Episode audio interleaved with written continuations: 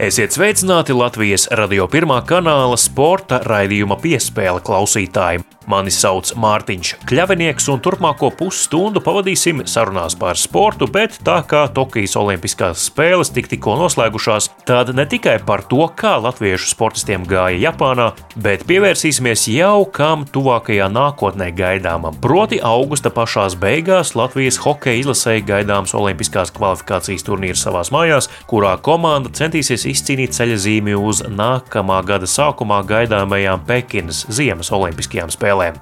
Komandai ir jauns galvenais treneris Harijs Vitoļņš, un arī daudz jaunu seju šonadēļ bija uz ledus Kurbada halē. Par to visu jau pēc pavisam īsa brīža.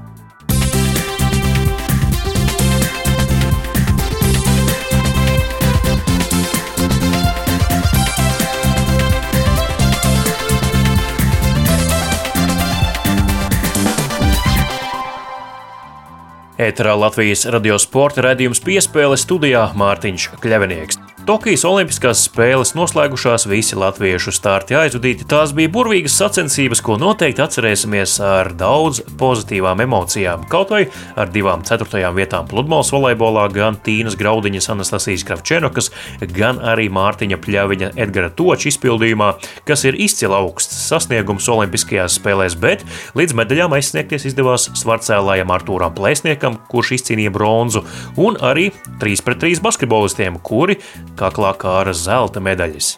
Vēnspilsnieks Kārlis Pauls Lasmanis nesen lidostā Rīgā sagaidīja citu vēnspilsnieku Arthuru Plēsnieku, atgriežamies no Tokijas Olimpiskajām spēlēm, un lidostā arī Kārli uzrunāja. Savukārt Nauris Miezis paviesojās Latvijas radio raidījumā Tokijas studija, un pēc raidījuma arī viņu noķēra uz nelielu sarunu. Jūsu uzmanībai Olimpiskie čempioni Kārlis Pauls Lasmanis un Nauris Miezis. Kārlis Lasmans arī sagaidījis Arthuru Plēsnieku. Tagad sarunā ar Latvijas radio sporta radījumu piespēli. Kārli Vēnspils ir medaļām bagātākā pilsēta, laikam olimpiskām medaļām bagātākā pilsēta. Nu, bet, protams, bet, protams, un sevišķi, ja, nu, ja jūs zināt, kādas ielas Vēnspēlī dzīvo, Priežielas, un uz manas ielas dzīvo vēl uh, Dainis Kulks, kurš ir arī olimpiskais medaļnieks un zelta medaļnieks. Tā kā divi zelta medaļnieki uz vienas ielas Vēnspēlī, vispār super. Un, protams, un paldies Vēnspēlī par šo visu. Šodien ar Nauru runāju, viņš bija arī uz radio atnācis. Nu, viņa ķekavā mierā neliekot visu laiku, tikai bildes un, un, un sarunas, kā ir tev Vēnspēlī. Es neesmu vēl Vēnspēlī bijis, es vēl braukšu uz Vēnspēli tikai es tagad par Rīgu, vairāk vai mazāk. Bet, kā ir Rīgā? Rīgā, nu, mierīgi. Es baigi no mājām ārā nelienu. Nu. tu jau saproti, kas tev gaida uz ielas. Man liekas, ka nav tik traki, kā tu pats to visu uztver. Nu. Mm. Pavadu laiku tikai saviem draugiem. Tā, tādā ziņā viss mierīgi. Viss, bet ļoti patīkami attieksme no pārējiem cilvēkiem. Baigi forši, nu, kad, kad cilvēki neslēp to, ka viņiem ir prieks par mūsu sasniegumu. Nu, mm. Tiešām paldies visiem! Arī Naurim prasīja, arī tev prasījuši, tu esi sapratis, ka tu esi olimpiskais čempions. Tagad apjausme ir atnākusi. Ja, nu, protams, es to saprotu, un, uh, un tā, bet es, kā jau teicu iepriekš, es lepošos ar to tikai tad, kad es mazbērniem varēšu pateikt, ka oh, es esmu olimpiskais čempions. Tā kā es to redzēju savu tēta acīs, cik viņš bija priecīgs. Tad, nu, tas ir tas īstais gandarījums, man liekas. Vēl pēdējais profesionālais jautājums. Andrejs Siliņš arī Naurim šo prasīja. Viņš jau atbildēja, tev uz Ameriku vai Āziju skats nevelk uz turienes 3 pret 3, uz kādu klubu? Ļoti grūti atbildēt pagaidām. Zinu, kā gribās ar saviem džekiem kopā, kamēr viņiem visiem veselības, vēl visiem viss kārtībā, tikmēr jā, jā, jāmauc kopā ar saviem, jāspēlē kopā ar saviem, saviem večiem. Un pēc tam jau skatīsimies, kā tālāk viss iegrozīsies. Nu, Viss jau ir iespējams. Tāds ir sports. Nu, spēlētājs klubus maina, un tas jau nav nekas nenormāls. Bet nu, pašlaik gribētos tomēr palikt līdz kamēr ir iespējams kopā ar saviem. Tad augustā getiņā. Ja? Augustā getiņā. Olimpiskais čempions 3 pret 3 basketbolā Nauris Miezis tik, tikko sniedzis interviju Tokijas studijai. Nauri, cik tev intervijas jau ir bijušas? Tu skaiti vispār pieraksti? Es neskaitu, nepierakstu, bet uh, mums uz visu komandu ir bijuši ļoti, ļoti daudz interviju un vēl ir paredzēts ļoti daudz priekšā.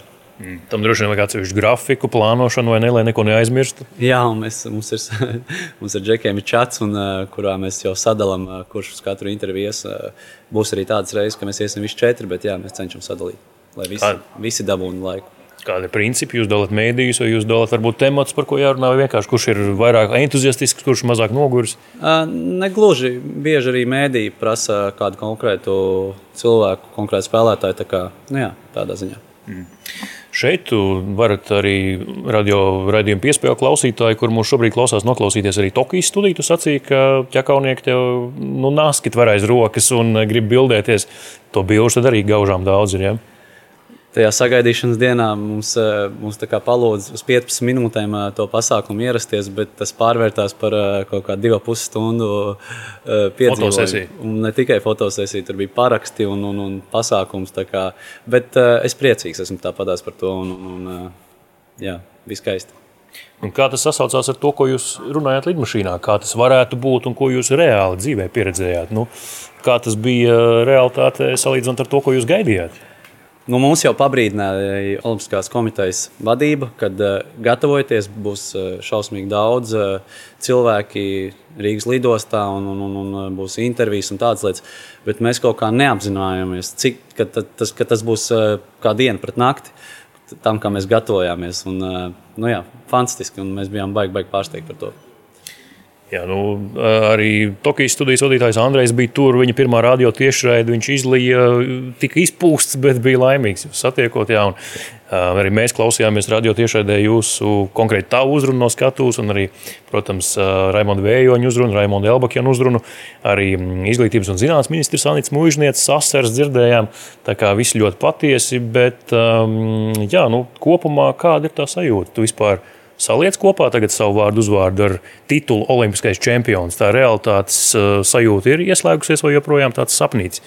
Nu jau, nu jau es esmu to apzinājies, un, es, un es esmu lepns par to, ko esmu izdarījis. Un, ne tikai par sevi, par saviem komandas biedriem. Un, un, un, un, un mums to vairs nevar atņemt. Un, tādi mēs būsim visu mūžu. Mēs esam pirmie olimpiskie čempioni, 3-3 basketbolā.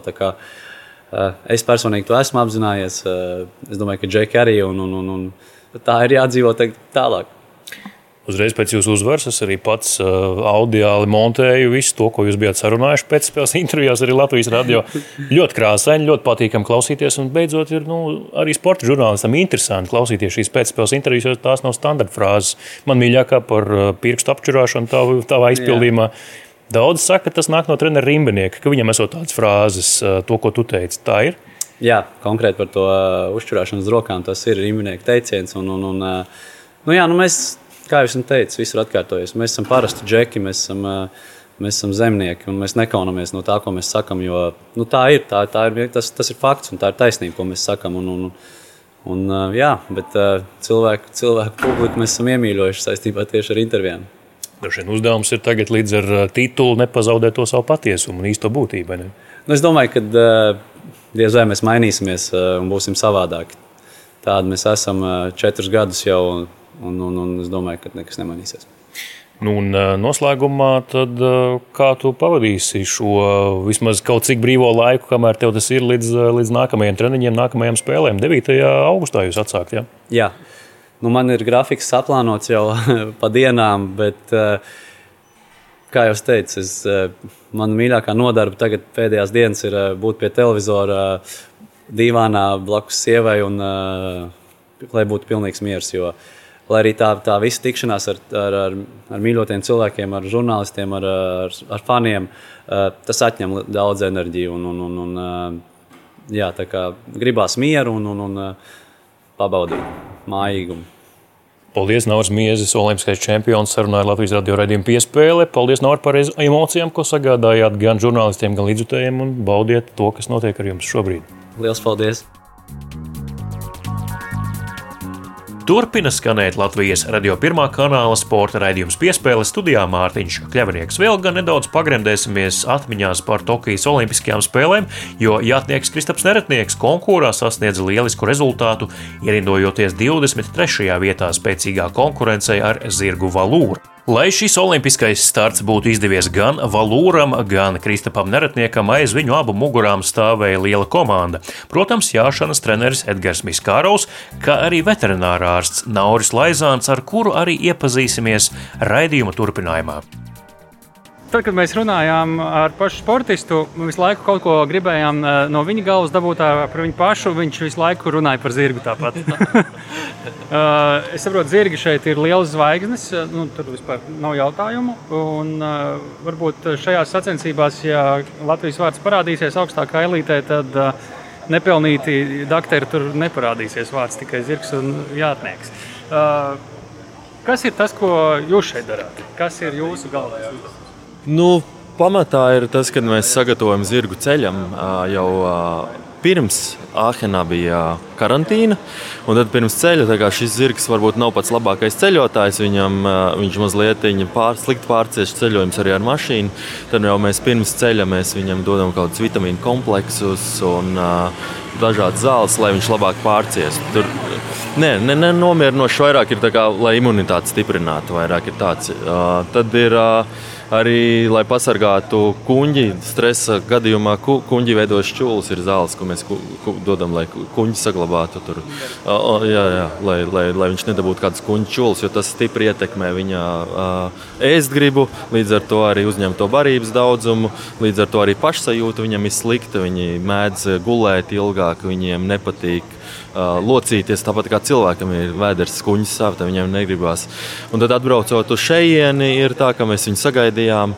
Viņam bija nedaudz paaugstināta temperatūra, ja normāli 377, viņam bija 387, kas ir paaugstināta. Tas varētu teikt, viegli, viegli transporta slimība, varētu teikt, jo tas ceļš tomēr uh, stresa kopā. Tad uzreiz mēs pielikām pie sistēmām, lai viņš lidojuma laikā nedara tik daudz. Tad mēs uztaisījām asins analīzes, pēc asins analīzēm mēs viņam veicām profilaktisku ārstēšanu. Tas otrs, viņam paņēma uzreiz arī analīzes uz zirgu rinopneimoniju. Viņiem tepat ir laboratorija, pārbaudīja, tas ir negatīvs. Viņi visi bija mierīgi, jo savādāk viņiem ir atsevišķs nodalījums tikai karantīnai. Viņi uzreiz izolē no visiem pārējiem. Un tad mēs skatāmies vienkārši uzturošo terapiju.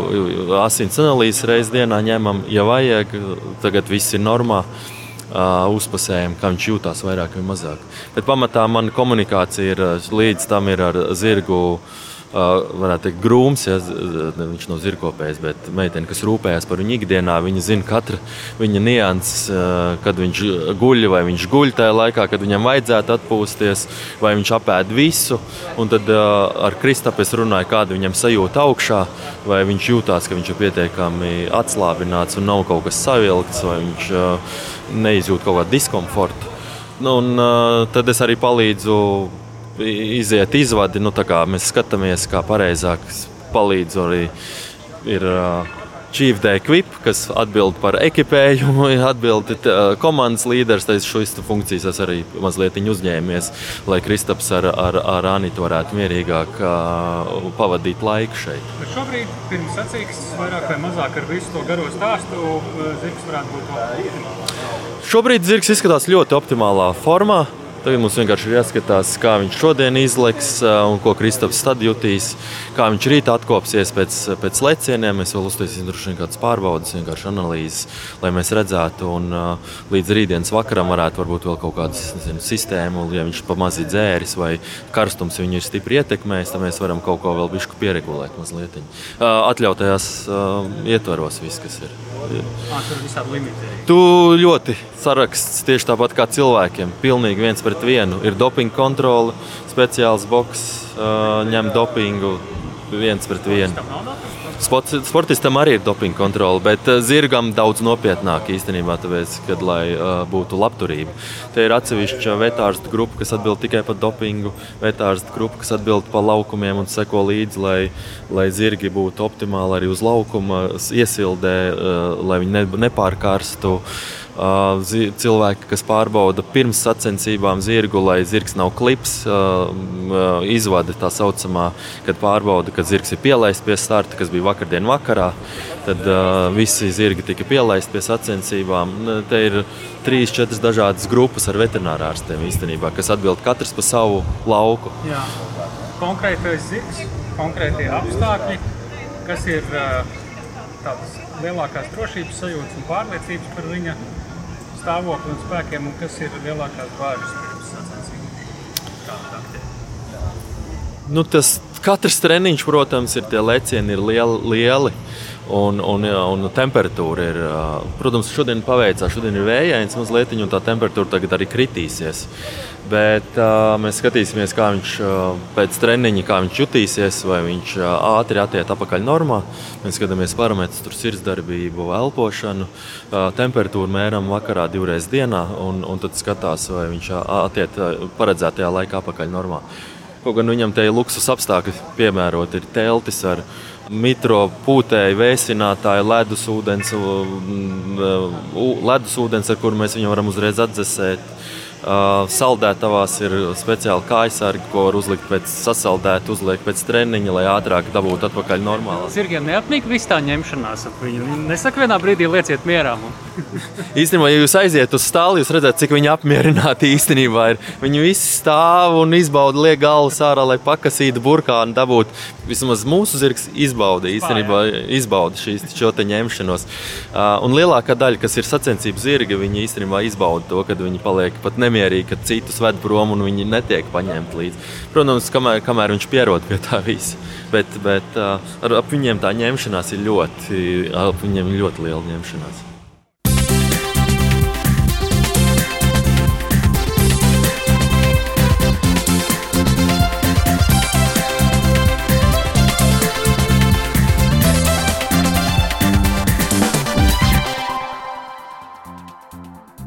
Turpina skanēt Latvijas radio pirmā kanāla sporta raidījums piespēle studijā Mārtiņš Kļavinieks. Latvijas hokeja izlases kandidāti Kurbada ledus hallē uzsākuši gatavošanos Pekinas Ziemas Olimpisko spēļu kvalifikācijas turnīram, kas augusta beigās noritēs Rīgā. Pagaidām treniņos iesaistījušies tikai daži no pasaules čempionātā pieredzi guvušiem spēlētājiem, taču jau nākamnedēļ komandai pievienosies daudzi pamatspēki. Kamēr vēl treniņos daudz jaunu seju, sarunājos ar diviem perspektīviem jaunajiem Latvijas hokeja talantiem - vārdsargu Mariku Mitenu un uzbrucēju Eduardu Traumu. Abi viņi nākamā sezonā pārstāvēs Nacionālās hokeja līgas vienību farm klubus. Marks Mitens sarunā ar Latvijas radio. Marek, mēs runājām caur Zoom, tad, kad tu tikko biji ieradies Devils organizācijā. Kas tagad ir aktualitāte? Nu, komanda ir nomainījusies vismaz AHL vieta nomainīsies, komanda paliek tā pati. Viņas skaidrs, New Jersey sistēmas, farm klubs un, un, un jā, mainīja pilsētas, bet komanda paliks tā paša, trenē tāda paša un arī redzēs, kāds tur sastāvs tagad būs. Ko tev tas mainīs? Nu, cita pilsēta nozīmē, ka tu nebūsi vairs Devils Hallē ikdienu un neredzēsi lielo komandu katru dienu at savām acīm. Jā, bet tāpat es domāju, būs, būs forši mazliet savādāk. Pēdējo gadu tas sanāca New Jersey Hallē, jo dēļ Covid, man, manuprāt, bija tā sanācis. Un, un, un šogad jauns sākums. Kāds bija tas tavs jaunais sākums profesionālajā hokeja, nu, vispār pirmsākums? Jā, patīkami bija. Daudz savādāk nekā koledžas dzīve. Tomēr vienosies mājās pēc treniņiem, tev īsti nav ko darīt. Koledžā tu pieredzi, ka tev jāiet vēl uz, uz lekcijām un tā. tā daudz vairāk brīvais laiks sanāca. Kāds bija tas skolas nobeigums? Tad meti tās cepures zūmā vai kāds bija izlaidums? Jā, spēles dienā man sanāca izlaidums zūmā. Tā kā ne, baigi nesanāca, bet, nu, cik es redzēju, manējie ja kārtīgi atpūtās un nosvinēja. Kā, jā. Profesionāļiem nu, cita, cita, kā saka, ikdiena un cita, cits liktenis. Jā, tā sanāk. Katram savs dzīves ceļš. Un, nezinu, manuprāt, protams, bija mazliet žēl, ka nebija kopā ar savu un četrus gadus izgājis cauri, bet es arī domāju, ka viņi vēlētos atrasties manā vietā vairāk nekā es, es viņu vietā. Kāds tas bija tas tavs sākums AHL? Pirmie soļi grīļīgi, ceļgali trīcēji pirmajā spēlē. Kā tu to atceries šobrīd? Uh, manuprāt, nē, manuprāt, diezgan. Visu sezonu es biju nospēlējis. Tagad Likās, es centos pārāk daudz par to nedomāt. Vienkārši uztvert to kā vēl vienu spēli. Un pirmā spēle ir ļoti labi. Viss aizgāja, vinējām pirmo spēli. Tas bija ļoti pozitīvi. Jā, un pārunas par, par jauno līgumu viss gludi ritēja. Uh, jā, bet pārsvarā bez nekādām aizsardzības. Mazliet patīkami bija, ka es dabūju pirms teikt, tā drafta, lai nebija jāgaida līdz jūlijā beigām, kas notiks. Ne, tādā neziņā nebija jādzīvo īsti. Un tā kā jā, manuprāt, diezgan pozitīvi. Bija kaut kāda nu, iespēja jums ar aģentu tēmēt uz divu virzienu, vai tikai AHL līgums bija tas, ko piedāvāja? Tas AHL bija vienīgais, ko īstenībā piedāvāja. Jā. Nākotne tev saistās, nu, vispirms jau tu gribi tikt droši vien izlasē un olimpiskajā kvalifikācijā uzspēlēt. Tieši tā, lielajā izlasē vēl neesmu piedzīvojis savu debītu. Tas būtu laikam tas nākamais solis, un tad arī domāšu. Mēģinu visu soli pa solim, pārāk daudz neko nedomāt, liek neko nedomāt un vienkārši dienu pēc dienas. Šādos pirmajos treniņos var sajust to izlases atmosfēru. Nu, viss te ir jauns arī tiem, kur te jau ir ilgi. Jauns treneris, treneru korpus kopumā, jauna vide, kur trenēties. Tā vairs nav valo hāla. Tu vari sajust to izlases auru šādos treniņos. Jā, protams, patīkami arī atkal ar džekiem, ko kādreiz bērnībā spēlējis kopā junior gados. Patīkami ar viņiem atkal satikties un kopā patrenēties. Un tā atmosfēra jau ir. Tu jūti, ka tie metienu spēlētāji labāk nekā parasti vasarā vienkārši slidināties. Kas tikko te kolēģi teica par potēm, tu esi pošu speciālists. Nē, Kas nē, viņš tas kaut ko tur rakstījās, nekas tāds īsti nav nekas bijis. Tas ir rakstījās. Amerikas profesionālajā hokeja, kāda vispār ir tā attieksme? Tur pret vakcināciju nostāja viennozīmīgi, vai tur arī ir tādi, kuri izvēlas to darīt vai nedarīt? Uh, viss, manuprāt, ir brīvprātīgi, ka tu vari izvēlēties, var potēties, var nepotēties. Tu esi izdarījis izvēli par labu tam. Jā. Jā, jā. Nu, tad uh, paldies tev, ka, kā saka, pieliec roku, lai pasaule atgrieztos normālās sliedēs un lai veicas arī nākamā sezona. Lielas paldies jums! Edvards Rāmaks sarunā ar Latvijas radio Edvardu. Latvijas izlases trenējs var noķert šādos treniņos to Latvijas izlases sajūtu, kad vēl nav pilns sastāvs, kad būs olimpiskā kvalifikācijā un nu, tādi vairāk jaunie spēlētāji iesaistīti vai ne pamatsastāvs. Es domāju, ka jā, protams, Latvijas izlase tas nozīmē arī spēlēt ar pušiem, ar kuriem tu esi spēlējis visu savu dzīvi, un pušiem, kuri ar tevi mēģina tikt Latvijas izlasē. Mums ir ļoti daudz pieredzējuši spēlētāji tagad uz laukuma, ar, kur, ar kuriem mēs trenējamies.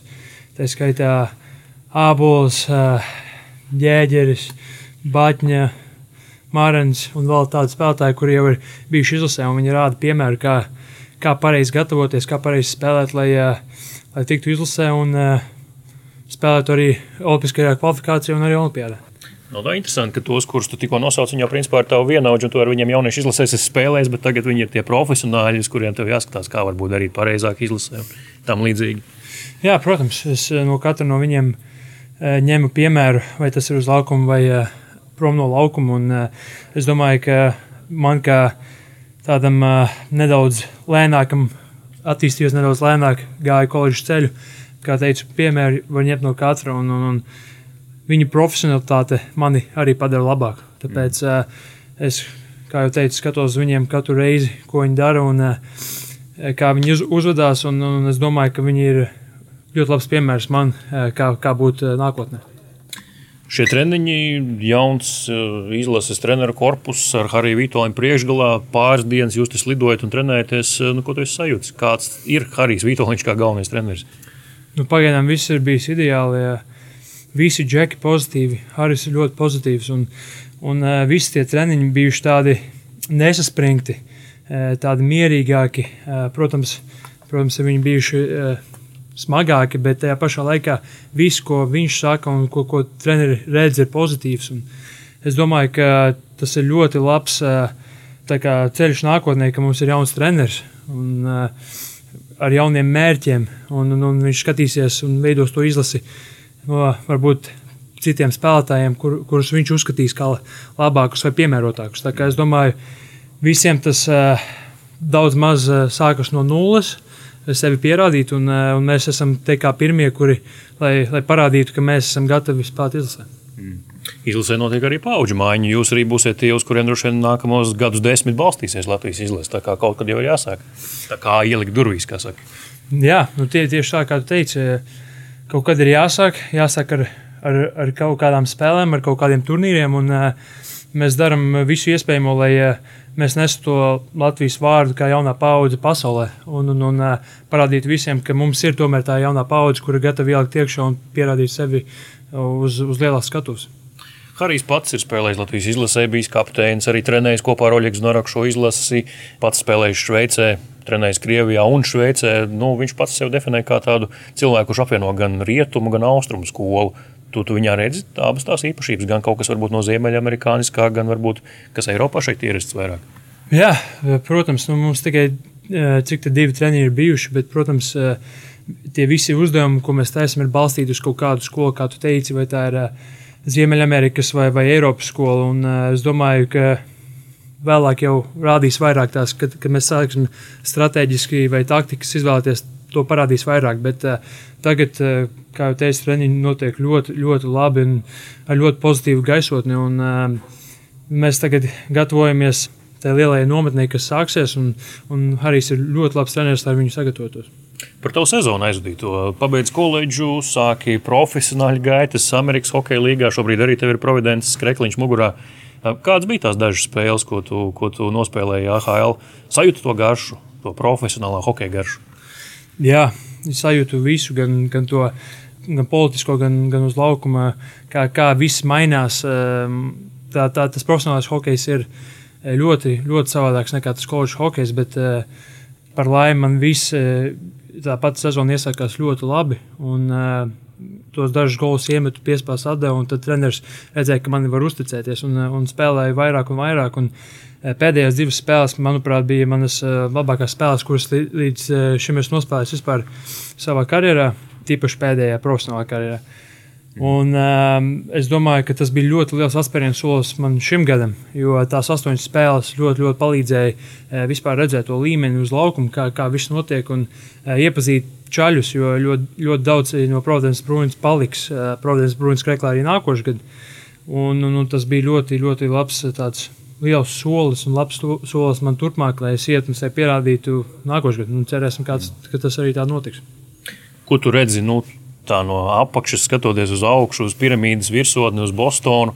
Tur arī tā paudžu maiņa notiek. Ja Kreičs aizbrauc atpakaļ uz savām mājām spēlēt, viņam laikam NHL karjeras galā, Hāra ir uh, Vašingtonā, nu, tomēr mainās. Tie akmeņi, uz kuriem balstījās šī komanda, kad viņi iekļūst Stanley Kausa finālā vairākas reizes, nu, tā tomēr tiek mainīta un, kā sakot, jauns asins tiek pludināts iekšā.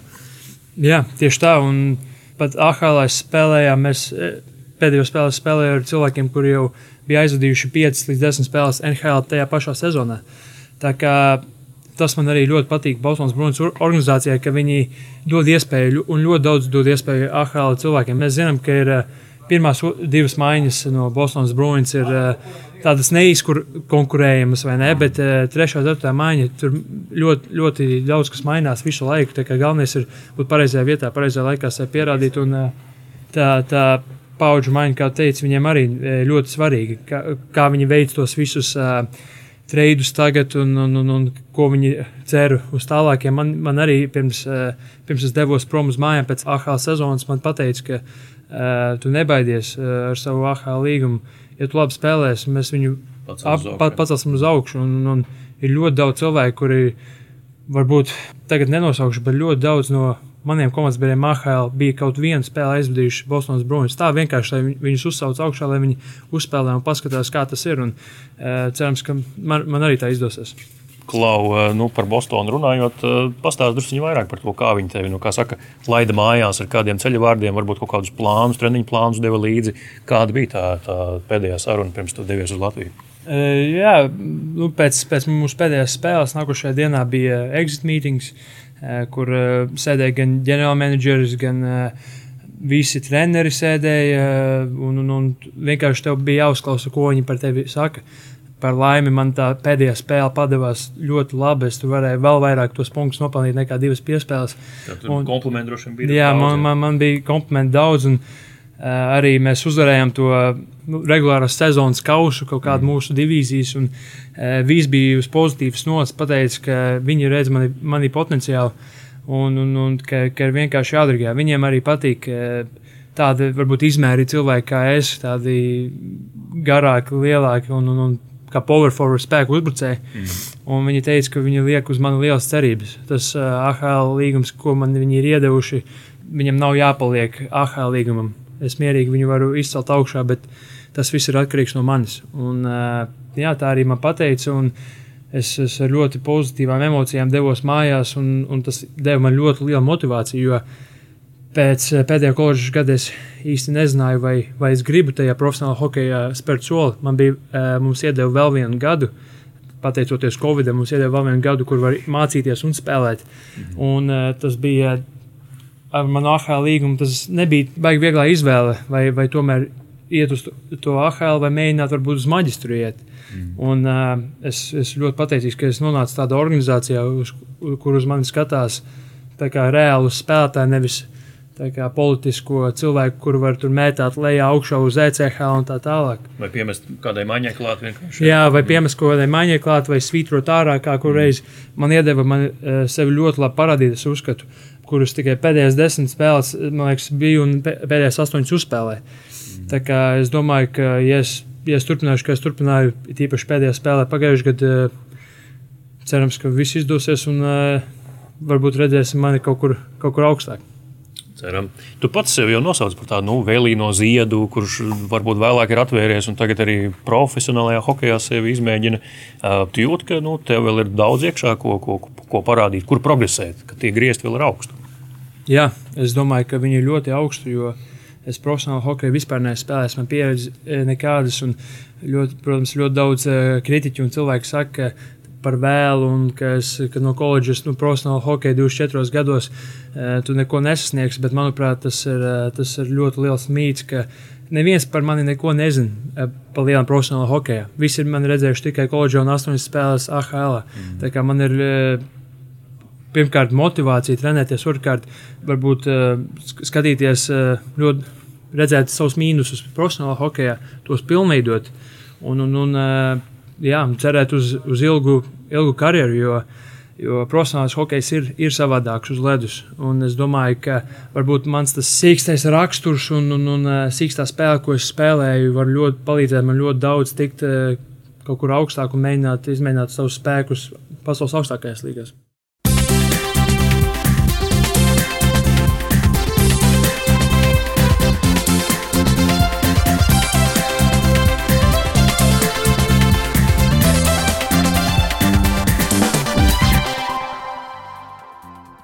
Līdz ar to arī izskan šīs svētdienas sporta raidījums piespēle. Tā vadītāja krēslā es Mārtiņš Kļavinieks, bet man šo raidījumu veidot palīdzēja arī Tālis Eipurs Tokijā un skaņu operators Reinis Budze.